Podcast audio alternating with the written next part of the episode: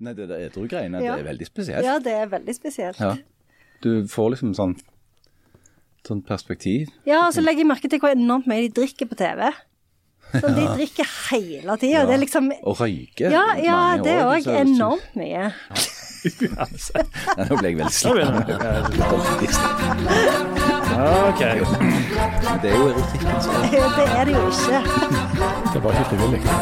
Og erotikkens år virker jo åpenbart ikke, for vi får nesten ikke unger her i dette landet. Kanskje har det med at vi har det for kaldt hjemme, og det er jo ikke så rart med de strømprisene som vi har. Og opp med hånda de som faktisk kan forstå og forklare hvorfor strømmen er så dyr. Nei, ned med hånda, Harald. Ned med hånda. Downboy, ned.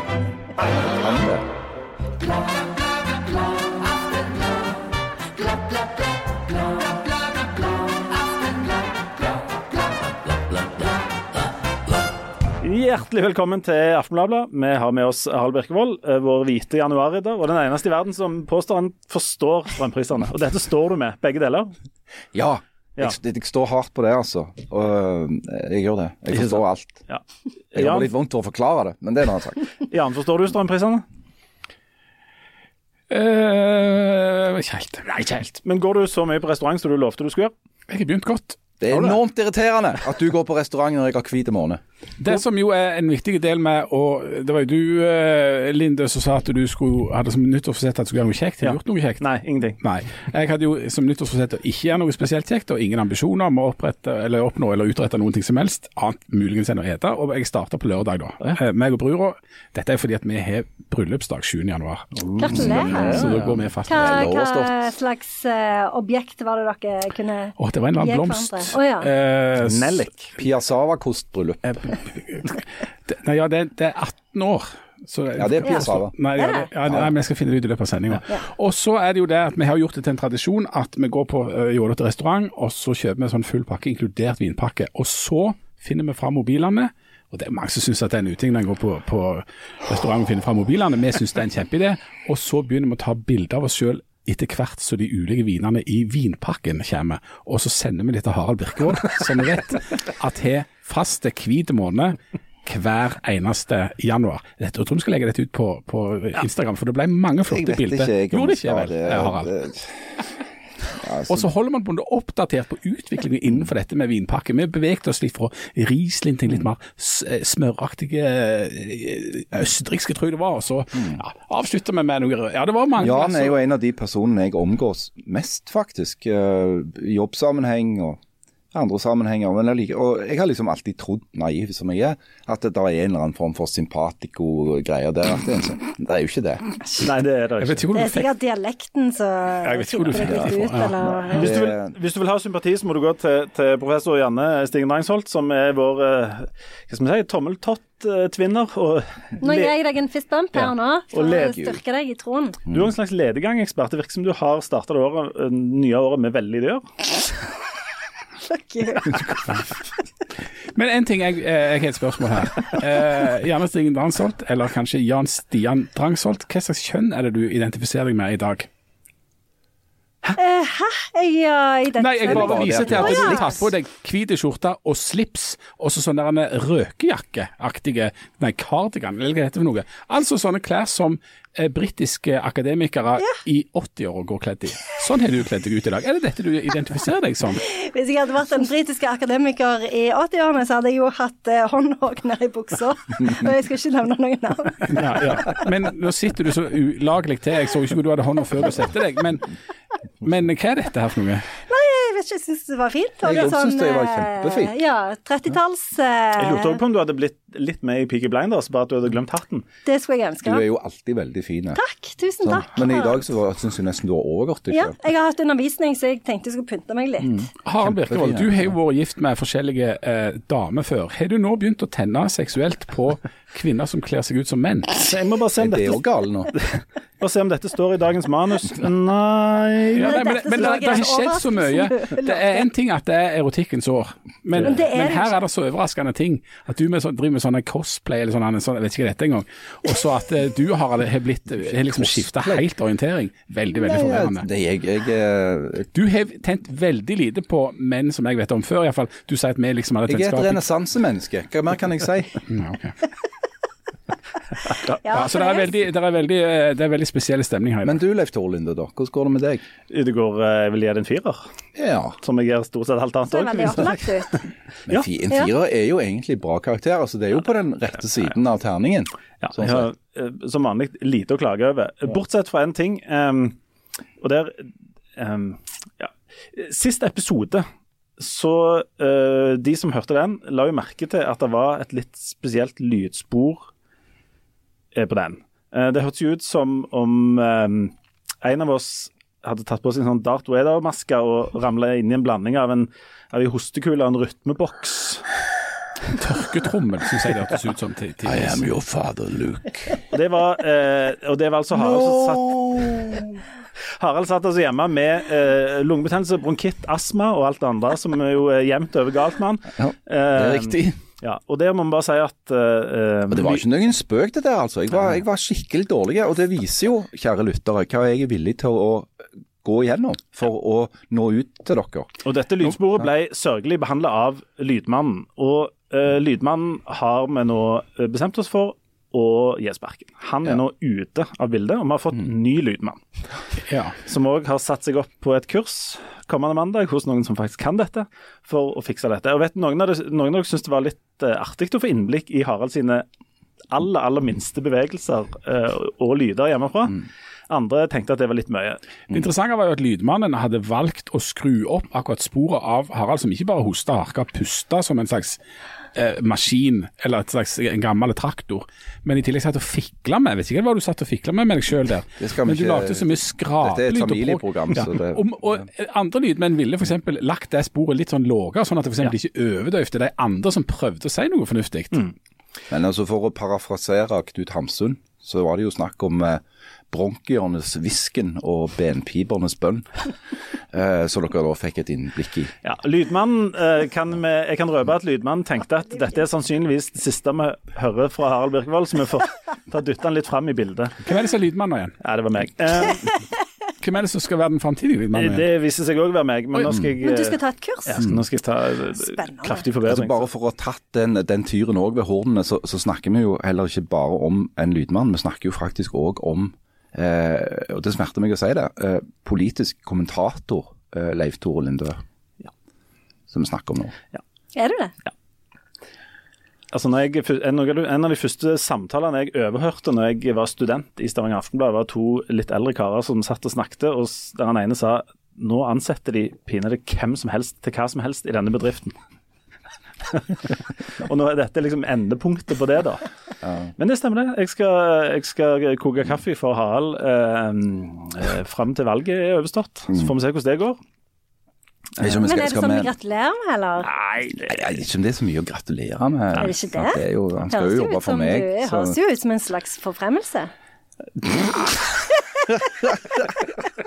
Hva er det du eh, mener om å jobbe i, med kulturjournalistikk? nå blir det, nå blir det sånn catfight. Sånn, Eh, ja. Sånn eh, når vi snakker om kultur i denne Det er ikke noe å gratulere med at, Nei, vi, skal, denne- at vi skal bygge ned kulturjournalistikken. Nei, men er det liksom. det, er det, det som ja, og det er på ingen Ja. måte en forfremmelse. Dette er jo, jeg vet ikke hva det er straff for, men noe er det straff for. Ja, det er vel anmeldelsen av Le Mis på Nei, nei, med Cats. Cats, mener jeg. Eh, det er litt for Cats, og så er det litt for den der nye Sande-serien som jeg var sånn eh, lunken pluss uh, begeistra for. Men, men, eh, men Det er ja. vi jo alltid. ja. Men eh, nei, jeg, jeg skal holde på med dette, det er helt riktig. Um, så får vi se hvordan det går. Det er nok eh, ja. Hvis vi holder helt til valget, kan, så kan, kanskje røpe at, at i dag så, så har vi fått vår første eksterne reaksjon på, på denne tilsettelsen eh, fra en ledende folkevalgt i, i Stavanger. Eh, det, det er jo et familieprogram. Ja, det er det. Ja, Men, uh, Men- dere får gjemme ungene litt. Grann. ja, i hvert fall når jeg, jeg fortalte dette til, til vedkommende, så var da den skriftlige tilbakemeldingen var holy fuck. Så Men- forventningene er jo på topp. Men er det et slags fuck you til kulturavdelingen? Ja. Er det det? For at kulturavdelingen mister folk nå? Ja. Er det sant det? Ja. Det blir ikke noen nye? Nei. Ja, er ikke dette et stort problem? Nei. Er ikke dette ei forside? Ja, jeg vil si det først, ja. Ja. I, I kulturvedlegget vårt. Nei, det er forresten har vi Nei, ikke. det har vi ikke. Vi får se hvordan det, skriver fram. Nå vil jeg ikke gratulere, nå vil jeg bare være sint og skrive leserinnlegg. Men nå har vi jo en, en podkast å lage. Det har vi. Ja. Det har vi. Og vi, vi Og jeg har en del kulturelle tips. Har du det? Du har det? Ja, men det er kjempebra. Men vi, vi starter jo eh, dette som vi vel som regel gjør, med å, å minne om at det er erotikkens år. Eh, Det er det ikke. jo, det Nei, er det det. er ikke det. Men det var det i hvert fall i fjor, fordi at under eh, koronaen i Norge så viste det seg at folk hadde litt lite å gjøre. Og det var ikke nok fjernsyn, sånn at det, det var en del befruktning som eh, foregikk rundt omkring. Men, eh, Ja. men når vi ser dette over litt tid, um, denne norske demografien, så viser det seg at vi får ekstremt få unger i dette landet. Så det fødes 10 000 færre unger i dag enn det gjorde for ti år siden. På tross av at erotikkens år har vært siden 2018. Um, gjennomsnittlig fødealder for kvinner i Norge er 31,6 år. Um, vi har snakket litt om dette før, men uh, dette er jo ikke altså, for, for å reprodusere oss sjøl i Norge, så må vi opp i 2,1 Altså, ja, altså, hvis vi skal holde befolkningen, dette er ren matematikk, så må hver dame, siden det er dame som føder barn og ikke menn, føde to unger. Brannfakkel. Ja. Fordi at, ja, det er brannfakkel, ja, enn så lenge. sant? For at, eh, Fram til nå så er det jo vært nødvendig at en mann er involvert på et eller annet slags vis. og du liksom, ja, Si halvparten er dame og halvparten er menn, så må hver dame føde to unger i snitt for at befolkningen skal holde seg. Nå er vi nede i en, altså under 1,5. Det betyr i praksis rent matematisk en 25 reduksjon eh, i folketallet over en generasjon omtrent. Eh, eh, som er ganske mye folk. Eh, og så er det det at, og, det, og dette er ikke unikt for Norge da, eh, men, men eh, ganske lenge så var det sånn at når Jens Stoltenberg var statsminister og alt gikk så mye bedre, så pleide han å ta folk med seg opp i regjeringsbygget, og så pekte han utover Norge der, og så sa han at i dette landet så har vi liksom den høyeste yrkesdeltakelsen blant kvinner i, i, i verden, men vi har også liksom, de føder mer unger enn en de aller fleste andre. Vi var oppe i 1,98, nesten to altså, i, i 2009. Nå er det under 1,5. Hvis det fortsetter sånn, så kommer befolkningen i Norge til å gå ned. Altså, det kommer til å være så få folk eh, at eh, vi vil ha problemer med å holde oppe altså, eh, bosetninga utenfor sentrale strøk. Altså I Nord-Norge er dette et kjempeproblem. Det er ikke fraflyttinga som tar livet av Nord-Norge nå, det er at det blir ikke født unger der. Men det er i Nord-Norge det blir født flest, er det ikke det? Færrest i ja, Oh, ja, færrest, ok. Den eneste plassen det blir født på en måte sånn at en kan sikre et fødselsoverskudd, er det indre østlandsområdet. Eh, en vil ha store problemer med å ha tilgang på arbeidskraft, for dette, det er jo himla mange som blir eldre. Hvem er det som skal arbeide for å ta seg av dem og, liksom, og, og, og sørge for det? Vi kommer til å få et problem med eh, velferdsstaten og opprettholde den, for det er ikke nok, altså det er ikke olje vi lever av, det er arbeid. Eh, og, eh, altså Inntektene til staten kommer til å gå kolossalt ned. Dette er et enormt problem. Og Det skjer da paradoksalt nok, nok i det landet som sannsynligvis har de beste velferdsordningene for å få folk til å få barn i verden. I, I tillegg til at vi er et uh, trygt land, vi er et forutsigbart land, Uh, vi er et godt land på absolutt alle vis. Så hvorfor i all verden skjer Ja, dette? altså, heldigvis så er det jo en masse det går an å gjøre med dette her. Nei, nei, det er ikke det. Eh, faktisk ikke. Altså det, fordi at det, Hvis du ser utover Norges grenser, og globalt perspektiv på det, så er det, er det noe som skjer mange steder samtidig. Eh, at eh, særlig rike industrialiserte land så synker fødselsraten så mye at eh, befolkningen begynner å synke. Du, I f.eks. Japan så er dette kommet veldig langt. 1, de er under 1,2, tror jeg. Under 1,2 i, i fødselsrate per kvinne. Det er jo i nærheten av å være nok. Sånn at du har en sånn avfolking av deler av Japan. Eh, og en voldsom eldre-tsunami, om du kan kalle det det. Eh, så det er veldig bekymringsfullt. For det, at det er jo ingen sånn en fiks som du kan peke på og si at dette kan vi gjøre, og så vil det bli, bedre. Noen har jo, Du snakker om Indre Østland, Jan. Sånn, altså, eh, en stund så var det jo nye landsmenn, om man kan kalle det, innvandrerbefolkningen, som har en høyere fødselsrate enn en gjennomsnittet av befolkningen, eh, og som sørget for å holde det oppe, f.eks. i Oslo. da. Eh, Men det som skjer er jo at når kommer, altså, du får andre- og tredje generasjons innvandrere som har noenlunde de samme materielle forholdene som, som gjennomsnittsbefolkningen, så synker jo folk, fødselstallene der òg. Eh, sånn at det, det, det er ikke noen fiks der. Og så er det noen som tenker ok, går det an å legge inn flere belønningsmidler? Altså rett og slett gulrøtter som skal gjøre det mer attraktivt for kvinner å få flere barn? Eh, ja, kanskje, men, men hva skulle det være? For det, det viser seg jo at når, når kvinner får eh, altså, velger jo nå i større grad enn menn høyere utdannelse. Eh, så, så flyttes tidspunktet for når du får ditt første barn framover i tid. Og jeg vet ikke hva, hva er det som er gjennom altså, Den gjennomsnitt, 31,6. ja, og det, det er gjennomsnittlig 31,6 Den år. gjennomsnittlig første- for første ja, Det tror jeg er ja. eh, fø, gjennomsnittlig fødealder som ligger der. Um, og, og her er jo Et av eh, paradoksene her er jo at jo bedre vi har det, og jo bedre disse ordningene blir, jo færre unger får vi. Mm. Så det virker jo, I den grad det virker på noe som helst, så virker det mot sin hensikt. Janne, Men eh, jeg bare tenker på sånn så i eh, For dette vårt samfunn eh, ble jo forma av den industrielle revolusjonen som krevde eh, at folk arbeider. Men sånn så i viktorianske England så var jo samfunnet oppdelt i, i, altså u- på utgangspunktet i, med utgangspunkt i kjønn. Og eh, hovedargumentet for at kvinner ikke skulle få eh, de samme rettighetene som menn, var jo at da ville de slutte å få barn. Um, og det er jo det som har skjedd. Det viste seg å stemme. Ja, Det viste seg å stemme. Ja. Så det var jo mistenkt, mistake number one. Eh, og så tenker jeg sånn som så i Japan for eksempel, det er jo et um, For der har du vært. ja, og det er jo et samfunn uten likestilling. Eh, der er det jo sånn at kvinner eh, ikke får barn. Eh, altså Det er jo en, en uttalt sannhet at kvinner ikke får barn der, fordi at når de gjør det, så er det forventa at de skal eh, være hjemme med ungene, eller i hvert fall eh, jobbe i en mindre stilling. Altså Der får de rett og slett ikke lov å fortsette i jobben. Og det Eh, gjelder jo òg en del europeiske land, f.eks. Tyskland og Sveits. Der er det jo kjempevanskelig å fortsette å jobbe når en har barn, fordi at de har jo ikke de samme type ordninger som vi har. Men vi har jo kjempegode ordninger, sånn som dere sier. Så det er jo ingen grunn til at eh, kvinner skulle eh, se på på en måte det å ha barn som et hinder for å ha en karriere. Men vi vet jo òg at statistikken viser at eh, likestillingen ser veldig bra ut helt til norske par får barn. For da er det jo fremdeles sånn at det er kvinner som tar det tredje skiftet. At det er kvinner som tar på seg en stor del av de omsorgsoppgavene eh, som, som, som oppstår i, i forbindelse med barn. Det er de som, eh, flere kvinner som, som altså Kvinner gjør mer husarbeid, de er mer hjemme når ungene er syke. Eh, det er de som har listene i hodet med hvem som trenger regntøy, og hvem som skal på fritidsaktivitet, og hvem som skal i bursdag, og alle de tingene der. Eh, det er faktisk ganske tøft. Og det, så jeg tenker at det For det har jeg opplevd sjøl. Jeg opplever jo at vi har et ganske likestilt hjem, men det er jo ingen tvil om at jeg har hatt flere oppgaver med ungene enn det mannen Men Janne, tror du at uh, hvis, hvis det hadde sånn, vært sånn at flere menn tok mer av ansvaret hjemme, så ville kvinner fått flere barn? Jeg tror ikke det er bare det, men jeg tror ikke alt kan liksom skyves over i det offentlige, og at liksom alt kan løses med sånn belønningsordninger og sånn. For det, det er greit nok å ha liksom SFO og barnehage og alle de tingene der, men når du har fått disse ungene, så har du jo ganske lyst til å ta vare på de òg, men du har samtidig lyst til å ta vare på jobben din, og for mange så kan det oppleves som ganske mye. Samtidig så eh, kvinnene tar et større ansvar hjemme, så tar jo da eh, mannen veldig ofte et større økonomisk ansvar. Så Noe av grunnen til at damer er hjemme er fordi at mannen jobber mer.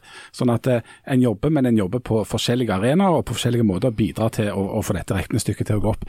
Det som en del eksperter det var ei, en, ei som jobbet med dette på Ahus, som jeg har glemt hva heter, men påpekte at de stimuleringsordningene som nå ligger der, stimulerer folk til å begynne å få unger når de er i ferd med å bli ufruktbare. Altså Den biologiske alderen vi burde fått barn i, det er i 20 år, tidlig i 20 år. Det, det er da kvinnekroppen er absolutt best egnet for å få barn. Ifra eh, 30-åra så synker fertiliteten.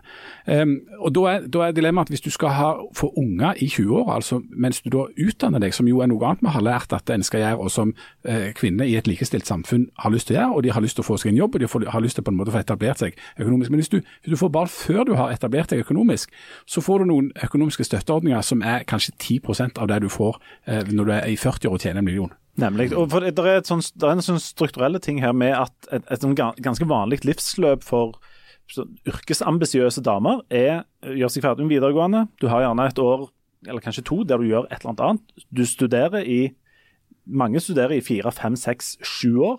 Og så skal du ha et par år med yrke, altså du skal komme denne foten inn forbi. Og da sier jo klokka at du er 31,6 år. Og så er det jo sånn at eh, det er altså 60% av studentene i høyere utdanning er nå da kvinner, så kvinnene dominerer der. De har i stor grad kommet reisende inn fra distriktene. Eh, sånn at i byene er det da et overskudd av damer som har høy utdanning. Og så skulle du, altså Hvis du skal få barn, så må du nødvendigvis finne noen å få disse barna med. Men det er vanskelig å finne en match for alle disse damene der. Akkurat like vanskelig som det er å få match for alle disse mennene som sitter igjen da ute på, på landsbygda eh, og kanskje ikke har tatt utdanningen og lurer på hvor ble alle damene av, og hvorfor får ikke jeg etablert meg. Mm. Så det er, det er, noen sånne mismatcher der eh, som, som f.eks. Altså, Vi har snakket tidligere om, om, at det kanskje ikke er så bra med, med for mye mismatch, f.eks. i høyere, høyere, utdanning. Det var sannsynligvis ikke bra når mennene dominerte der, det er kanskje ikke bra hvis damene totalt vil dominere der. Det må finnes arenaer der en møtes og der en kan få dette til på et tidligere tidspunkt mens en fremdeles er fertile. Når da damene har fått gjort karriere og har fått seg gode jobber og har begynt å tjene godt og får sitt første barn det er, altså Hvis snittet er 31,6, så sier det ganske mye om hvor, mange, hvor, hvor langt opp i 30-åra en del er når de, de får det første barnet. De må rett og slett begynne med erotikkens år på allerede tidlig på universitetet. altså Gjerne ja. på, allerede på grunnfag. Ja, De bør alle, begynne, da, begynne, å øve da, iallfall. Mm. Men problemet er at, at du da parallelt så har du en, en, drøss med eh, Da får de kanskje det første barnet, da, og så klarer de muligens det andre. Men så er det jo eh, oppi det der mange som da ressurssterke som bruker pengene sine på fertilitetsbehandling. Altså Når de da til slutt vil ha barn, så er det for mange for seint eller for komplisert. Mm. Men så viser det, det store bildet her at jo bedre vi får det, jo færre unger får vi. Det er jo det store verdensbildet. Altså, jo mm. rikere og jo mer velstand du har, jo færre unger får du. Det har jo både sammenheng med at du ikke um, Den gamle klisjeen om at hvis du er en fattig person i Afrika, så må du ha mange unger. fordi at det det der, altså, Du bygger på en måte ditt eget eh, liksom, sikkerhetsnett og sånt rundt deg, men, men, sånne ting forsvinner når du får det bedre. Men Fins det noen ting som, for, som vi f.eks. mangler i Norge, som, som som politikerne kan gjøre noe med for å endre dette? Eller er dette et sånn et område der du kan pøse på med hvor mye politikk du bare vil, uten at vi vil, vil se noen forandring? Jeg, jeg, tror ikke det er så ekstremt mange virkemidler du kan bruke som ville være politisk eh, Altså det ville være flertall for i det hele tatt. Sånn? Eh, du, det er jo ingen som ønsker at du skal rulle tilbake eh, likestillingen eller eh, adgang til høyere utdanning og sånn. Ja, jeg tenker jo ingen ser for ja, ja. Veldig få, i alle fall. Heldigvis. Men, men, men det, det, som er, det, som er, problemet når du diskuterer demografi, det er jo ofte at det blir du blir beskyldt for å ha en eller annen agenda. Men en del av de som jobber med demografi og ser på dette her nøkternt og kjølig, de har jo ikke noen, de har ikke noen hensikt utover å peke på fenomenet. Uh, og, det er ikke bare et norsk fenomen som vi har snakket om. Det er et uh, fenomen du ser over store deler av den, den eh, utvikla verden. Hellas er jo òg et eksempel. Hellas, Aten det lærte jeg når jeg var der på jobb for mange år siden og skulle skrive en bok. At Aten er den byen i Europa visstnok hvor det er flest single damer. For det er det samme greiene der. Altså Greske damer som har lyst til å ta utdannelse og være uavhengige de må for all del unngå å gifte seg og få unger, for da blir de spist opp av det der patriarkalske systemet. ikke sant? Så da velger de bare å la være. Og Det er jo en, sikkert det samme i Japan. Altså Du rett og slett bare velger å stå utenfor det der greiene der. Og så er det det, Dette er jo noe som eh, si, må ordnes i det enkelte soverom. altså, Hjemme, hjemme virkelig i den private sfære. Og der er det jo altså det er veldig lite styrende der demografiske utfordringer tre eh, generasjoner fram i tid. Det er ikke det du står opp til å tenke på. Og det er jo ikke noe som, som vil på en måte ramme deg selv, eller som du går til å tenke på. Så, så, folk må jo ha seg sånn driv inni seg til å få disse ungene, sannsynligvis av, av mer private årsaker enn en, altså, en opprettholde velferdsstat. Men, men, men, interessant er at det, på ett nivå så er det jo logikken fra de fattige landene i Afrika som fremdeles gjelder. At hvis du vil opprettholde dette samfunnet, altså måten at samfunnet skal klare seg på, er at vi trenger flere unger. Bare at det er eh, på en litt annen måte i en velferdsstat som trenger arbeidstakere og skattebetalere enn i landsbyen. Jeg vil bare ha det protokollført at eh, de som ikke har prøvd å gå inn på Statistisk sentralbyrå og finne sånn demografistatistikk eh, som en del av forspillet, de utfordrer jeg til å prøve det. For det at det er Du kommer aldri til å få en rolig natt hvis du har gjort aldri. det. Altså. Men du, det som du er inne på, er det, er det et, må det være et selvstendig mål da, at vi skal drive og opprettholde befolkningen i Norge. For det er jo ikke sånn at verden mangler folk.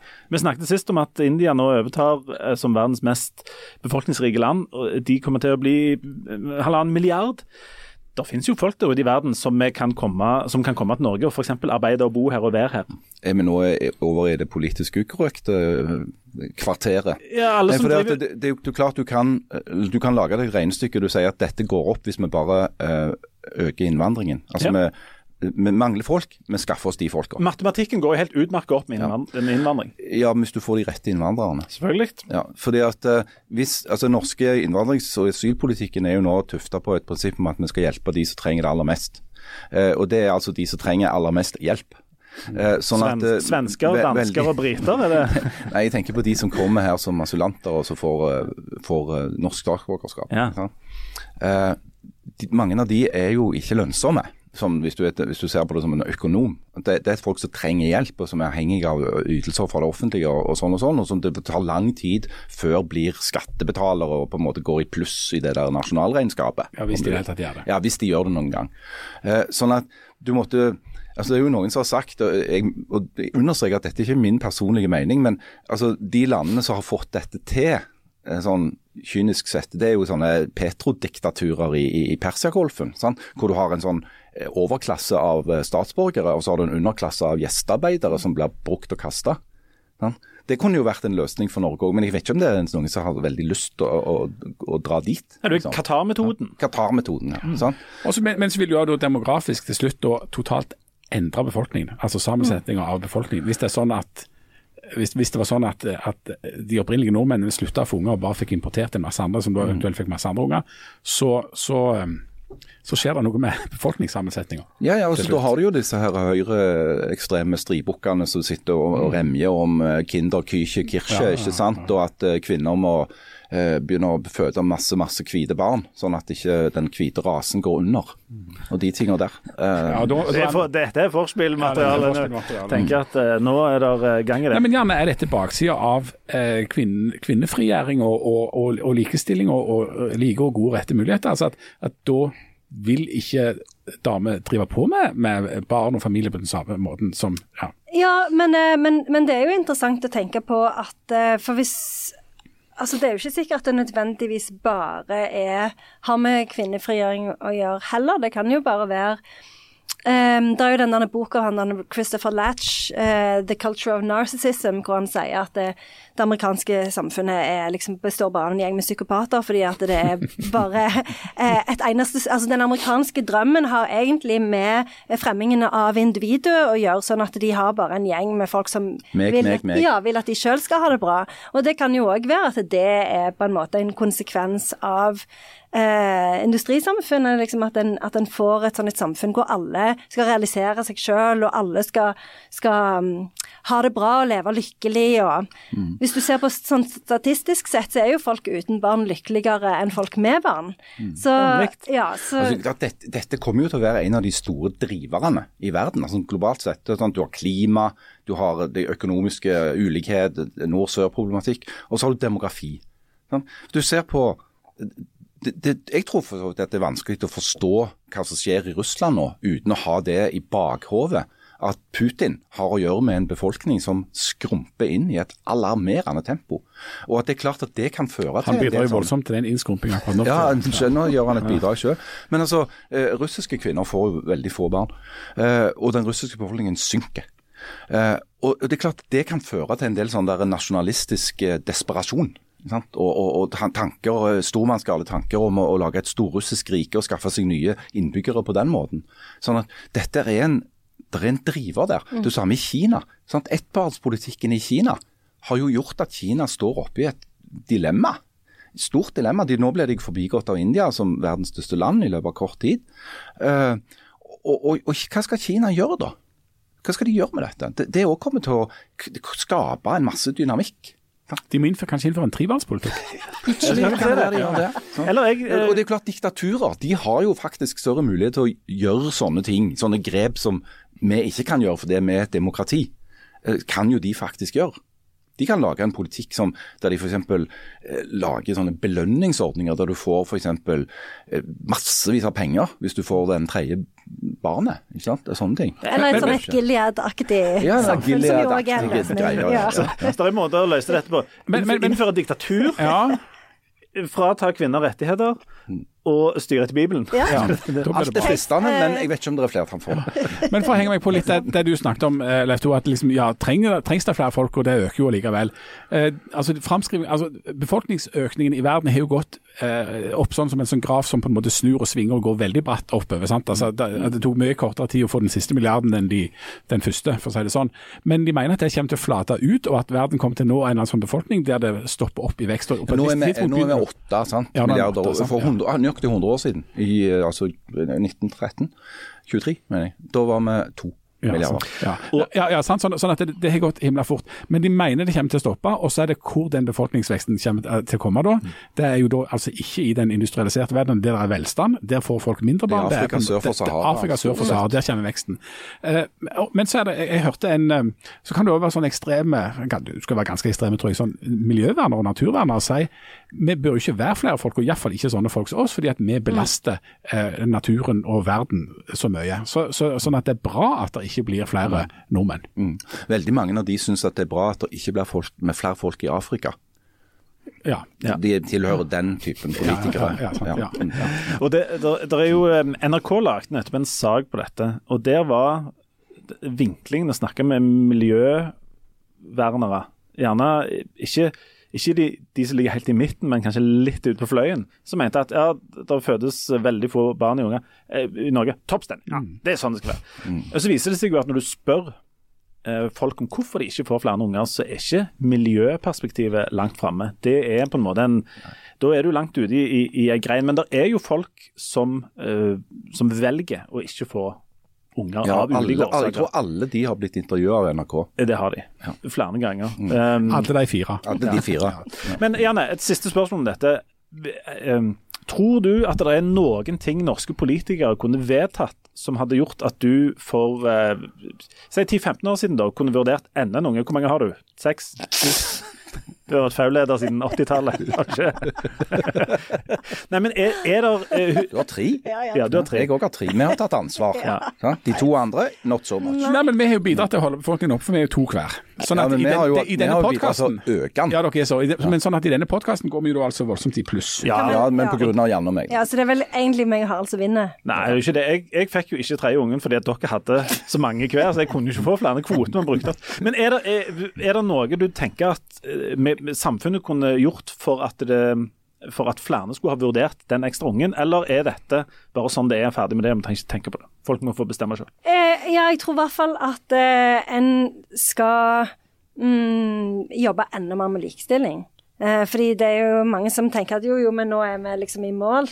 Eh, for nå er det barnehage, full barnehagedekning, og nå er det SFO, og nå er det liksom lagt opp til at eh, kvinner kan, kan få barn. Men det, det er jo ikke Det er jo én ting å få barn, men liksom å ha de, og du skal jo ha de òg. Så jeg tenker at det, at det med å jobbe Eh, sånn, at det, sånn at det blir mer At det blir lettere for kvinner å være mødre. Det syns jeg er, er viktig. Jeg Og lest tenker liksom sånn- Men hvorfor handler dette bare om damer? Nei, Altså, nei, det gjør jo ikke det. Jeg har jo sagt mange andre ting òg, men f.eks. sånn så eh, det der med at kvinner jobber 60% det er jo ikke sikkert det er bare fordi at menn tar større økonomisk ansvar. Det kan jo være fordi at kvinner tar mer ansvar på hjemmefronten, og dermed absolutt ikke har mulighet til å jobbe mer enn enn 60 eller 80% Så jeg bare tenker at det er, det er noe som i hvert fall jeg syns er viktig. Jeg syns det er veldig gammeldags å tenke at du kan sende damene hjem til liksom kjøkkenbenk og seng. Jeg, jeg synes kanskje det er bedre å sende mennene hjem. Altså at, eh, at nå tar med ansvar og bare blir hjemme, liksom. Men det forutsetter bl.a. at kvinnene lar eller gi- overgir det ansvaret til menn. Ja, ja. Det, det, har jo også vært en diskusjon, for det er mange menn som, som opplever at de jo ikke får Du måtte jo ha full barnehagedekning sånn at du var alene hjemme hele dagene. Ja, ja, ja, ja. Det er jo, ligger jo i bånn. Men, men, men, men, men i diskusjonen rundt på en måte hvor mye av, hvor mye av eh, foreldrepermisjonen skal være forbeholdt f.eks. For kvinner og menn, det har det vært mye diskusjon om. Der det viser seg at mange Ja, damer ja. ikke vil eh, gi fra seg dette, for de opplever Ja, det og det er jo sant? Ja. for alle. Og jeg tror det er en quick fix her, og det er nemlig at, um, at folk um, Når de kjenner at uh, det er fredagskvelden og på en måte Nytt på nytt er ferdig, og du tenker at her er skal, skal ikke, så gå inn på, på Statistisk sentralbyrå eller ssb.no, les sånn eh, demografistatistikk, for da kommer dere altså til å bli så Da høye. kommer du i stemning. Ja, da snakker vi om å markere erotikkens år. Ja, Da kommer pilene ja, til å stå er rett opp, for å si det sånn. Så er det vel ja. viktig òg at hvert år er erotikkens år. Nemlig. Og der har vi tatt ansvar. sant? I tillegg til at vi har to og en halv unge hver i snitt. Det har dere ikke. Vi har tre, og dere har to. Ja, I snitt blir det to og en halv. Det var to og en halv unge i snitt hver. Det er helt Hva for en halvpart av mine unger er det du vil ha? Jeg vil ha en av Janne sine, for å være helt ærlig. Okay, okay. hvis jeg kan få en halv av deg? OK, da får du en halv av en av mine. Ja, Så lenge det er en av de voksne som klarer seg sjøl. Ja, ja, ja. Du kan ta han i Trondheim med halvparten. Han kan jeg ta. Har ikke du en som spiller saksofon? Jo, han kan han Nei, han vil jeg ikke ha. Vi tar en, eh, en eh, liten eh, kjapp pause, og så etterpå så skal vi hive oss inn i strømprisenes vidunderlige verden via Jan Kjærstad.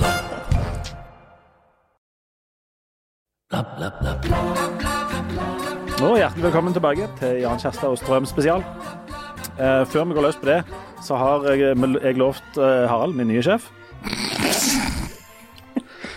Går ikke an å se at du gjør sånn, sånn hermetegn lufta når du Men har Harald headhunter Bring it on, bring it on. Har Harald headhunter Nei, men han blir i, praksis Jo, det er han nettopp. Han blir i praksis min, min nye sjef. Han blir i praksis min nye sjef, og han har, bestemt, han har lovt at han skal ha en sånn omsorgsfull, inkluderende lederstil. Skal du ikke ha sånn good cop, bad cop? Nei, det er egentlig bare bad. Ja. tror jeg. Sick cop, sick cop. Eh, Harald, eh, vi har vi lovt kan- deg tre minutter. Ja takk, da, Ja. de vil jeg gjerne ha. Men om jeg kan spørre om ting Altså, Vi skal jo snakke om strøm. Ja. Om, om jeg kan foreslå at, at vi, vi må, når vi snakker om strøm, så må vi bruke sånne ord som spenning, motstand Om. og, og ja, sånn. Ja, ja, for- absolutt. Ja. Ja, Det, um, det, jeg har jo prøvd jo at, at vi skulle gjøre det en gang før, men jeg møtte jo enormt med motstand. OK. Harald, tre minutter om opptøyene i Brasil. Å ja? Er det det? Ja, ja, Jeg trodde det var strøm. Nei, nei, nei. OK. Uh, ja, Brasilia. Ja. Jo, Brasil. Brasilia. Eh, ja, Brasil er jo eh, et enormt viktig land, egentlig. Eh, det er verdens femte største land i areal og syvende største i folketall, så det er jo et enormt viktig demokrati. eh, I en situasjon hvor demokratiet er på vikende front, eh, som Jens Stoltenberg helt riktig sa når han holdt tale for NHO sin årskonferanse i forrige uke over hele verden. Så, så er det som skjer i Brasil noe som angår oss òg. Um, og Det som har skjedd, er jo at i helgen så var det store opptøyer i hovedstaden Brasilia. Uh, som var da organisert og regissert av tilhengere av den avgåtte presidenten Jair Bolsonaro. Uh, blant de opprørerne så er det grupperinger som er aktive motstandere av demokrati, eh, bl.a. nyfascistiske paramilitære grupper osv.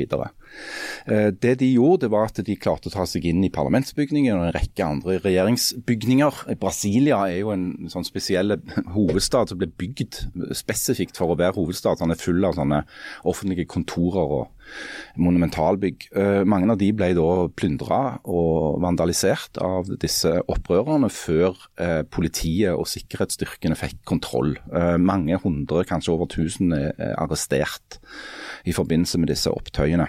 Eh, og Bakteppet her er jo at det var presidentvalg i Brasil i, i, sent i høst, hvor eh, Lula da Silva, som har rukket nå å bli 77 år gammel, eh, igjen ble valgt til president i Brasil. Han var òg president i, fra 2002 til 2011. Eh, når han gikk av, så ble han satt under tiltale for korrupsjon og fengsla. Eh, senere så ble den dommen omgjort fordi at den ble ansett for å være feilaktig. Eh, og Lula ble løslatt da, og eh, kunne da eh, drive kampanje for å bli gjenvalgt, som han ble. Eh, og Det som da skjedde når Lula da Silva ble valgt til president, så var det stor spenning knytta til om Jair Bolsonaro kom til å godta valgnederlaget. For Bolsonaro har vært veldig inspirert av Donald Trump på mange politikkområder. Klimafornekter, vaksineskeptiker, eh, tidligere paramilitær fallskjermjeger, eh, nokså høyreradikal, uten å legge for mye Kanskje uten å overdrive, kan vi si at eh, Bolsonaro er høyreradikal. Um, og Derfor så var det òg spenning knytta til om han kom til å faktisk akseptere nederlaget. Eh, han har akseptert nederlaget i den forstand at han har sagt at han respekterer demokratiet, men dagen før eh, Lula da Silva ble innsatt, så dro han til Florida. Pussig nok samme sted hvor Donald Trump har slått seg ned. Eh, og der er han fortsatt. Uh, han har tatt avstand fra opptøyene på en litt sånn ullen måte. Uh, men det ble jo påstått fra brasilianske sikkerhetsmyndigheter at Bolsonaro kan ha hatt kontakt med grupperinger som har vært involvert i disse opptøyene. Da. Så en litt sånn søramerikansk variant av 6. januar. 6. 6. januar 2021, stormingen USA. av Kongressen i USA. Eh, parallellene er jo åpenbare. Um, og Det som nå har skjedd, er jo at Lula de Silva har satt i gang et stort arbeid for å så sikre seg kontroll. Blant annet så kalte han inn alle de veldig mektige distriktsguvernørene i, i Brasil uh, til et felles møte hvor alle måtte stå opp og erklære at de er uh, tilhengere av demokrati og tror på grunnloven. Eh, grunnloven i Brasil er jo relativt ny, eh, fra 1988. For Brasil ble jo grunnlagt altså i, ved hjelp av et militærkupp faktisk i 1889. Og i tre perioder eh, har, eh, har Brasil vært et militærdiktatur fra 1970 til, nei, 1930 til 34. Og så under krigen, andre verdenskrig, og så en lang periode fra 1964 til 1985. Eh, og det var mange av demonstrantene i Brasil eh, nå i helgen som hadde plakater hvor de tok til orde for at det var på tide med et nytt militærkupp. Og Det har vært en sånn go to-løsning i mange land. ikke sant, at når, når eh, folk er misfornøyde med, med, med, de folkevalgte, at de forventer at uh, militæret griper inn. Det er sikkert en god idé, for da kunne de fått opp fødselstallet og sånt. Ja, og Bolsonaro var jo, også, hadde jo sin karriere som eh, altså yrkesmilitær under eh, militærdiktaturet på 1980-tallet. Kommer dette til å ha noe å si for norske strømpriser? Ikke sånn helt direkte, men norsk næringsliv har jo stor eh, virksomhet i Brasil, bl.a. Uh, Equinor. Da. Da tror jeg det er den eneste hendelsen som ikke påvirker norske strømpriser. og Dette er noe som eh, bl.a. forfatter Jan Kjærstad var inne på når han eh, skrev eh, et åpent brev til statsminister Jonas Gahr Støre i Aftenposten, der han eh, stikker fingeren inn i eh, en del sånne åpne sår som jeg tror mange kan eh, kjenne seg eh, igjen. Han skriver bl.a. dette. Eh, Hvordan kan det ha seg at strøm levert av selskaper som er 90% eid av det offentlige, og som det koster 12 øre per kilowattime å produsere, er blitt forvandlet til den rekordhøye regningen. Jeg er en gjennomsnittlig intelligent person, litt beskjeden på egne vegne kanskje, og jeg har forsøkt å forstå det, men jeg får det bare ikke inn i hodet. Istedenfor et begripelig resonnement får vi en blanding av innøvde fraser og floskler. Kort sagt, dere makter ikke å forklare folk hvorfor de må fryse i boligene sine. Han skriver mye, men han skriver bl.a. dette. Um, og her pirker vel han borti noe som er ja, ganske um, Som jeg tror mange går og tenker på. Uh, for, for strøm er jo vår tids Vi har snakket, Hvor mange ganger har vi snakket om strøm? 52 ganger i løpet av i fjor, omtrent. eller noe sånt. Men det er ekstremt vanskelig å forstå seg på. Mm. Det var jo stor spenning knytta til hvor mange ganger vi kom til å snakke om strøm. det er klart. Jeg syns ikke at det blir juice opp av at vi bruker ord som spenning. Syns du ikke det? Det jeg vil ha svar på, er hvorfor det Husk at. Harald er jo i ledningen. Ja. Det er jo en, er slags medarbeidersamtale nå. Eh, så om det ryker en sikring eller to hos oss, så Men all denne snakkingen om strøm har jo ikke hatt noen effekt. Ja, Den var litt tynn, faktisk. Ja, okay, ja. Men OK. Er Um, vi ferdig med det nå? med, hva nei, er det du skal helt. koble dette her til nå, da? Jeg skal koble dette her til et spørsmål som er ganske enkelt. Eh, jeg har prøvd å forstå og, å, og lage meg en forklaring på hvorfor strømmen er så dyr. Det, jeg klarer ikke det. Jeg klarer ikke å forklare tror jeg, med, med sånn forståelige, enkle ord hvorfor strømmen er dyr. Klarer du det, Jan? Nei. Janne? Ja, for det du må huske på, det er at det er en krig i Europa. Og da tror jeg vi skjønner litt om mm. hvorfor strømmen er så dyr. Er Nei, jeg skjønner ingenting. Og jeg skjønner heller ikke Før var det jo alltid de sa sånn Når det regner, så blir strømmen billigere. Eller det var alltid sånn når, når strømmen Når det ikke har regna på en stund, så er strømmen veldig dyr. Det regner jo hele tida. Er strømmen billig? Han er vel ikke det? Og dette er litt sånn som oljeprisen altså Når bensinen ble dyrere, så var det fordi oljeprisen gikk opp. Så gikk oljeprisen ned, skjedde ingenting med bensin. Så dette er vanskelig å forstå. Du Harald, du mener du klarer å forklare dette. Vi er ikke så veldig interessert i forklaringen, men du mener du kan den. Altså, altså Forklaringen på at strømmen har blitt dyrere er jo ikke så kjempevanskelig, egentlig. Det er jo at altså strøm istedenfor at eh, strøm blir solgt for det det koster å produsere den, eller kanskje bitte litt mer, da, sånn at du skal ha litt fortjeneste. Hvis det er tolv øre det koster å lage en kilowatt strøm fra norske vannkraftverk, så kunne du jo solgt den videre eh, til kostpris. Eller solgt den og gitt den. Men det gjør det ikke. Istedenfor har strøm nå blitt en vare som blir omsatt på et marked. Sånn at det som eh, Jan betaler for strømmen sin, er det samme som en eller annen kunde i Tyskland er villig til å betale for gass. den samme mengden energi, bare med gass. Sånn at Det som har skjedd, er jo at norske strømpriser har blitt kobla til et europeisk marked, og prisene settes i det markedet, og ikke av andre. Eh, og Det er grunnen til at strømmen er dyre. Og Da er det jo sånn at, at da fungerer et marked sånn at hvis det er knapphet på en vare, så går prisen opp. Eh, det er en knapphet på den varen fordi at det ikke blir produsert nok energi. og Når en i tillegg da har en krig i Europa og eh, Europa har sluttet å importere gass fra Putin, så bidrar det veldig sterkt. Det som gjør problemet med akkurat den forklaringa, er jo at prisene hadde gått voldsomt opp før krigen i Nemlig. Ukraina. Ja, og det, var, det er jo det fordi kraften har skutt uavhengig ja. av uh, Putin. At, altså, det, det, er jo det som har vært litt irriterende for mange, at når, når uh, Jonas Gahr Støre sto i den debatten på Arendalsuka i, i, fjor, og det virkelig begynte å bli fyr i teltet om denne her strømmen, så ropte han jo til, til Var det Bergstø fra SV? eller Kaski var det kanskje. Det er Putin i Europa! Det var grunnen. Men nå vet jo alle at det er ikke bare det som er grunnen. Det er klart at krigen i Ukraina har bidratt til å forsterke energikrisen. Men det han først og fremst har gjort, han har avslørt den katastrofale mangelen på en energipolitikk i Europa som er realistiske.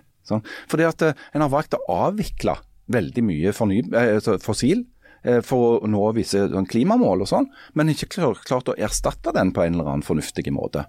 Og den der klokkertroen på at de skulle klare seg med å importere gass fra Russland, det var jo en såpass sprø idé at til og med Donald Trump reagerte på det.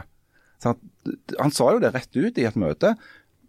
Dette, dette, spiller jo rett opp i hendene på Han kan holde dere som gissel, Putin, det, med, med, gassen sin. Men Uansett forklaring på dette, så er det et enormt problem at uh, vi har en vare i Norge. Altså Norge er jo, Før vi hadde olje, så hadde vi jo vannkraft. Norge er, er Vi har fortsatt vannkraft. Vi har vannkraft, sant? Ja. Og, og, den koster den koster 12 øre, da.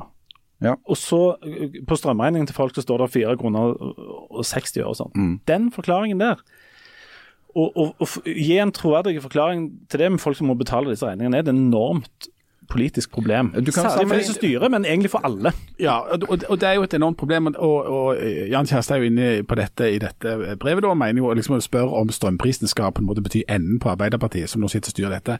Gudmund Hernes, tidligere eh, statsråd for, eh, for Arbeiderpartiet, har skrevet et langt essay i Morgenbladet der han er inne på mye av det samme. Altså at det er et komplett ubegripelig for folk hvordan dette kan henge i hop. Eh, og at, at det er ikke noen det, det, de klarer ikke å forklare eh, skikkelig eh, hvorfor det er sånn. Altså, de, har et, eh, de et forklaringsproblem, de har et kommunikasjonsproblem. Eh, og folk der ute har et sånn helt sånn konkret problem at de plutselig må stå der og, og, og lure på når de kan vaske klær fordi at eh, når nå, er prisen søker. Så vet alle da at det koster tolv øre mm. å, å, få dette her til. Og, og, strøm har tidligere blitt sett på som en del nærmest av infrastrukturen, altså nærmest som en vei eller som en skole. No, altså eller, som vann i eller som vann i springen. Altså, det er noe som bare er der. Og det ligger jo alt til rette for sånn.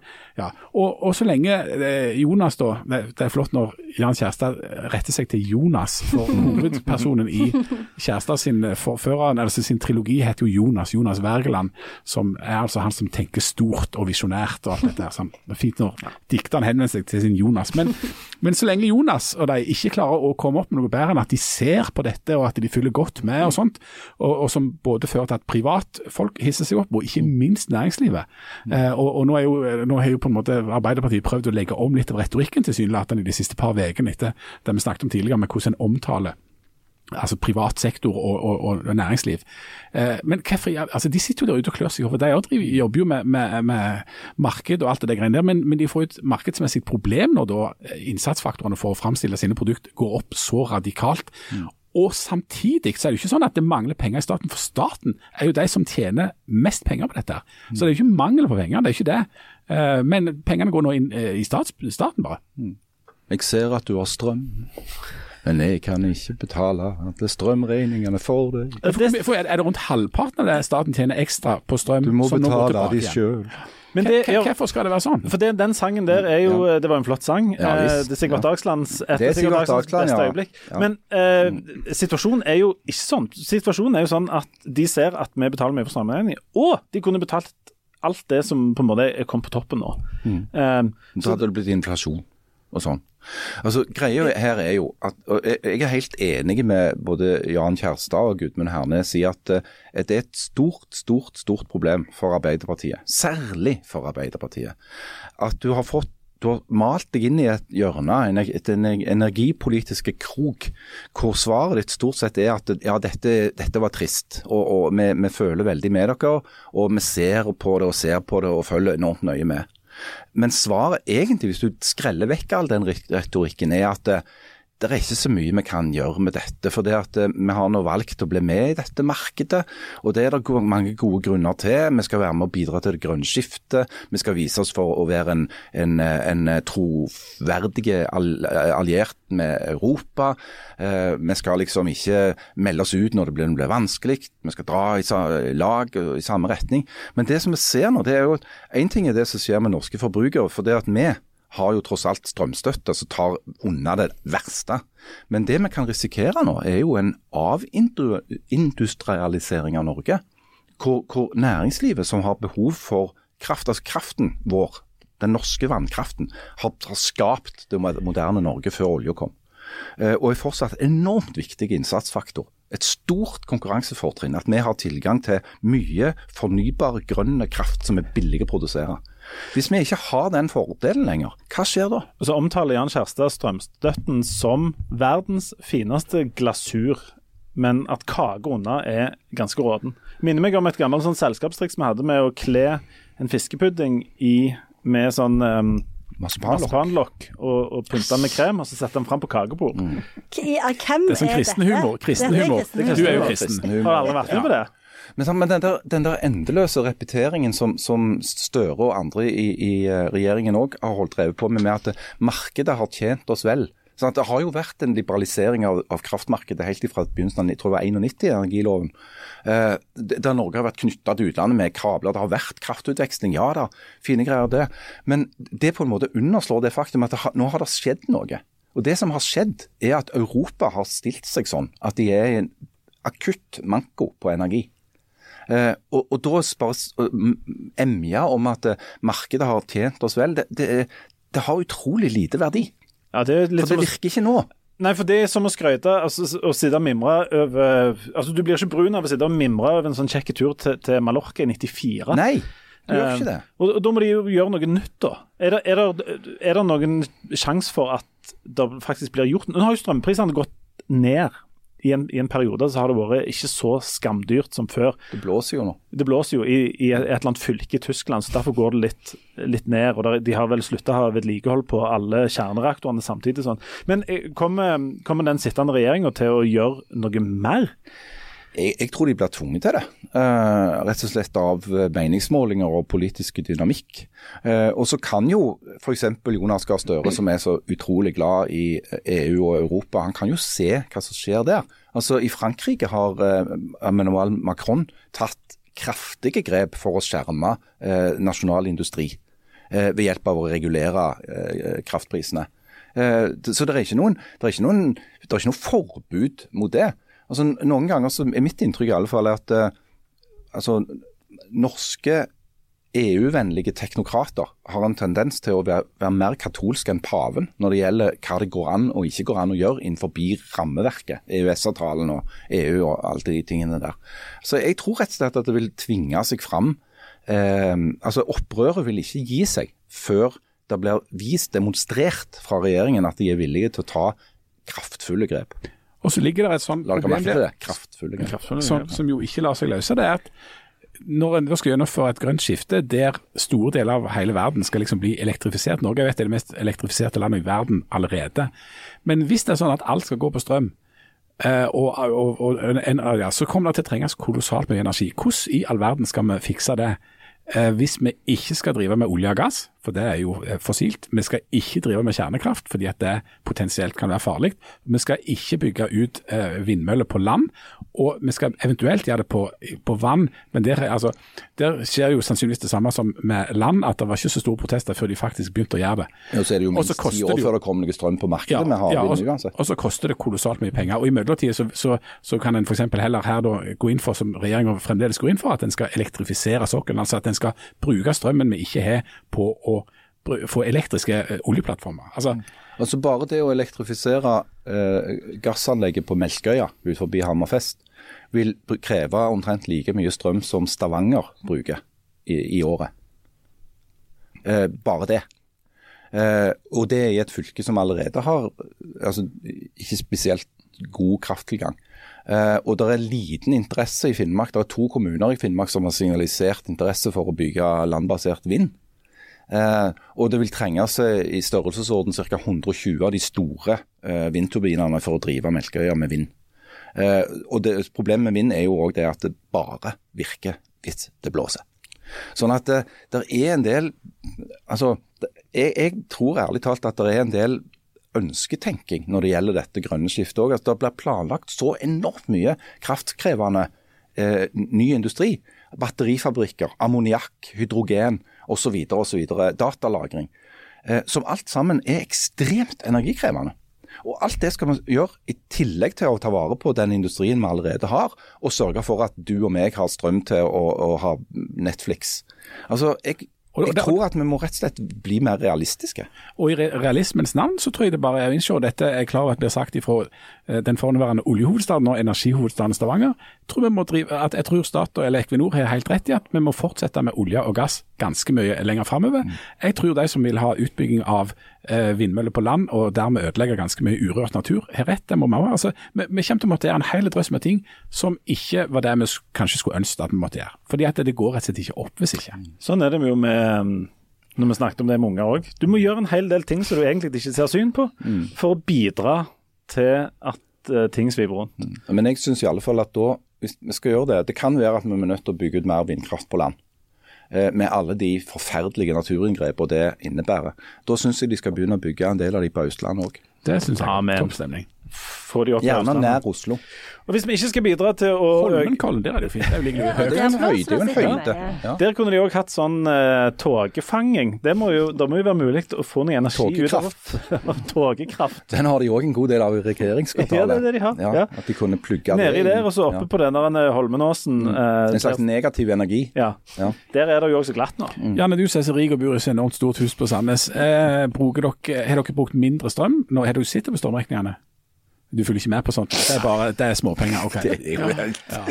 Jeg følger ikke med. Hun ble bare helt tom i blikket. Hva strømregning, hva er det? Betaler vi for den strømmen? Nei, det er mannen, han tar seg av økonomien. Nei, det er jeg som tar meg av økonomien. Gi føde ungene, mannen betaler regningen. Nei, jeg tar meg av økonomien. Men du aner ikke hva det står på de regningene? Nei, jeg altså- betaler de bare. Det er jo det, er jo det vi må. Ja, ja. Jeg har en bil som er på EU-kontroll borte i Sandnes nå, så hvis jeg, eh, jeg trenger å låne gjerne en for 40 000, så kan jeg bare ta kontakt Hvorfor har du den på EU-kontroll i Sandnes? Fordi vi har slepphendte der. Ja, ja, ja, selvfølgelig. Nei, jeg, det, det, ble bare sånn. Mm. Du, Hvis vi ikke skal bidra til å øke øke befolkningen eller bygge vindmøller, så må vi ha noe annet å gjøre. Og Der, Janne, sa du at du hadde noen gode tips? Ja. ja. Eh, jeg har tips på to serier. Eh, den ene er en sånn feel good-serie som er på Apple Pluss, som heter Acapulco. Har dere sett den? Nei. Den er liksom, den er ikke årets beste serie, men den er, det er halvtimesepisoder. Egner seg veldig godt på hverdager. Den er ganske løgn. Handler om et sånn et resort i Acapulco på 80-tallet. Mm. Eh, I Mexico, altså? I Mexico, ja. Mm. Eh, og det er mm, en sånn en eh, eh, gategutt som har eh, jobba seg oppover, som forteller liksom, ser tilbake. Så den er, den er passe feel good, mm. passe, passe løyen. Eh, har noen sånne Mye bra sånn 80-tallsmusikk ja, og 80-tallsfrisyrer. Ja, for det er et sånn et eh, par som driver med underholdning, som synger hiter på spansk ved bassenget som er episke. De er mine største helter. Så den anbefaler jeg. Jeg liker best Feel Bad. Ja, OK. Ja, da er ikke den noe for deg. Eh, men så er det òg en annen serie som jeg syns var ganske gøy, som heter Karen Piri. Har den har jeg sett. Ja. Den er ganske bra. Den er ganske bra. Ja. For den er jo sånn type sånn TV-krim. Ja. Eh, sånn britisk TV-krim. Sånn police, police procedural. Ja. Eh, om ei skotsk Den er veldig bra når du har hvit måne. Ja, du kan sitte og drikke te under et pledd og bare se på den. Det er helt greit, Selv om det var liksom. der jeg reagerte litt på at jeg syns de drakk litt vel mye vin. Jeg òg reagerte veldig på det. Ja. Så det var litt negativt. Men utenom det så, så var det bra. Mm. Og hvor, hvor er den? Den er på NRK. Ja. Mm. Karen Perry? Ja, bare tre episoder. Men Var det ikke nå vi skulle snakke om Sandnes? Jo, eh, ja, har, Nå har vi ikke mer tid igjen, til, men vi, vi må jo nevne denne eh, Er vi alltid-serien på Sandnes som eh, jeg tror det er ganske delte meninger om. Jeg jeg har sett den, jeg likte den ganske godt. Mm. Eh, jeg syns det er mye løye der, særlig hvis du er fra Sandnes. Så jeg har ikke sett den, så jeg, jeg likte den ikke noe særlig. ikke sant. Men eh, altså, jeg er jo òg fra jeg er jo fra Sandnes. Jeg syns jo det er det treffer nok eh, Det pirrer nok et eller annet når du får liksom eh, kebaben og lurer turistheim og Langgard og, og sånne ting. Ja, men Eh, jeg, husker- jeg så noen som skrev at det, det, det var så utrolig mye sånn fine bilder fra Hellestø. Men altså, Hellestø er ikke i Sandnes, det er i Klepp. jeg nok en gang så er det sånn at de, de fineste delene av Sandnes og Stavanger viser seg jo å være på Jæren. Uh, og en del av de kuleste folk. I Ryfylke. vil jeg Men du har sett litt du òg, Jan. Du er litt uh, Vet ikke helt hva du mener. Bare si det, Janne. Bare si det. Bare få det, bare få det ut. Ja, OK, jeg syns han var gørr. Og du syns han var gøy? Ja? ja Jeg syns eh, det var noen løgne ting. Ja. Syns han der han er eh, Han der Jens syns Ja. jeg var løyen. Og så syns jeg eh, Jeg synes det var løgn han sa sånn Si noe løye til han der østlendingen. Det syns jeg var gøy. Og så syns jeg han der andre fyren, han der som er sånn Han som ville de skulle lage sånn hoppebilde. Gegga. Gegga syns jeg var gøy. Han er løy. Um, men jeg syns Portemakeren, da, han eh, Jonas. Ja, han var helt OK. ja, er men han er jo fra. Stavanger, så han burde jo egentlig få lov å være med. Men jeg, nei, det gjelder vel mange. Men eh, det som jeg syns eh, Hovedinnvendingen min da, er at for jeg syns det er liksom små, små glimt av gøy. Men jeg syns at eh, den mangler progresjon. Jeg syns at eh, scenene er for lange. Dialogen er ikke bra nok. Um, og så syns jeg at det er liksom en del sånn enkeltstående episoder ganske tidlig. Som en, I en sånn vanlig amerikansk sitcom så får en de episodene kanskje sånn episode åtte i sesong to, for da klarer de ikke å finne på noe lenger. Men her kommer det liksom som episode Om du er bare sur fordi at de ikke har filma masse på Trones, Det har jo vært masse på Trones, eller i hvert fall noe på Trones. det er ikke nok. Men det er- Nei, jeg synes det, det er det jeg syns. Det er, en, det, det er en sånn av de der seriene som egentlig bare handler om at han fyller en gjeng med folk som er en plass og holder på med litt ting. Det er jo ikke noe sånn um, eh, voldsomme sånn, eh, sånn prosjekt eller sånne ting her. Um, eh, men, men jeg, jeg, mener folk, jeg mener folk skal se han. Og, eh, og dette er litt som å gå på sånn stadionkonsert. Jeg mener du skal gå enten fordi at du syns det er, viser seg å være enormt kjekt, eller at du hater det dypt innerlig. Begge deler mener du skal Skal ikke gjøre han seg noe. det ser ikke sånn ut. Men, men har dere sett Har dere sett en serie som heter Reservation Dogs? Ja, den er veldig bra. Den Men den er veldig deprimerende. Veldig det er feelbad. Ja, det er feelbad. den kan du se. det er noe Feel for bad er bra. Ja, og Ja. det er eh, noen ungdommer som, eh, som lever inne på et sånn indianerreservat. Og de er sånn, Det er bare en gjeng som holder på med forskjellige ting, men de er ganske sånn frekke, litt sånn smådestruktive, og eh, ting går egentlig ganske dårlig hele tida. Um, Kjempekjekk. Men der har du en annen form for progresjon, og du har veldig bra dialog. Ja, det har du. Det er veldig skarp dialog. Altså, de, Men de er jo ikke akkurat kjent for å være skarpe på dialog i Sandnes. Det er mest monolog. Ja vel? Å ja. Ja vel. Det var rett i Det var rett av Raus og feis der. Rett i vepsebolet. Du Harald, har jo en, en voldsom softspot for Lura turistheim, har du ikke? Jeg har enormt. Du har jo bodd der i perioder. Jeg har bodd der i perioder når jeg har hatt, ikke har vært velkommen hjemme.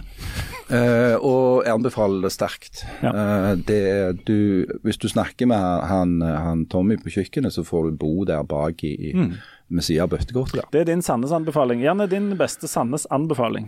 Ja, alt er jo bra i Sandnes. Ja, det er ikke, du kan ikke Det er som de sier i serien, vi er overraskende urbane. Og framoverlente. Jan, ditt beste Sandnes-tips? Ja, Sette seg på toget og ta ti minutter Ja, men de, med de, det. de, har fått, altså, de har jo fått noen gode ede, eh, spiseplasser. Akkurat det jeg tenkte jeg skulle spørre deg om. Ja, eh, altså det der 100-uka har Jeg vet ikke om det er den som har gjort det, men, eh, men Sandnes er en plass du kan gå og ete godt nå. Det er topp stemning. Ja, de har faktisk mange bra plasser, men Lura turistheim er jo i en klasse for seg, da. Og jeg, mitt beste tips er jo f.eks. å jo, det er stille seg midt Sand sentrum. Og så kjører du eh, nordover, men ikke mot Stavanger, men mot Hommersåk. Det er jo perler. Hommersåk, eh, det trenger vi en egen episode til. Det er minst. Mm. Og en egen serie på NRK. Jeg har faktisk aldri vært på Hommersåk. Hæ? Har du aldri vært på Hommersåk? Jeg har vært Imshøle. Du har jo vært på Hommersåk. Sånne plasser. Nei, jeg tror jeg aldri har vært utendørs i. Hommersåk. Jeg Hommersåk jo ikke jeg har kjørt du, du, du havner jo ikke akkurat tilfeldigvis på Jeg har kjørt gjennom Hommersåk. Nei, men de aller fleste jeg kjenner, har, kan si sånn Der har jeg vært en gang. Ja, du er jo Og nå skal du høre. Nei, har jeg, jeg har aldri noensinne vært i Hommersåk. Aldri. Er det i eller på? Eller på. På? Nei. På? Hommersand, som vi sier Ja. da. På, Du har aldri vært der? Nei, eller jeg har kjørt gjennom, men jeg har ikke gått ut av bilen.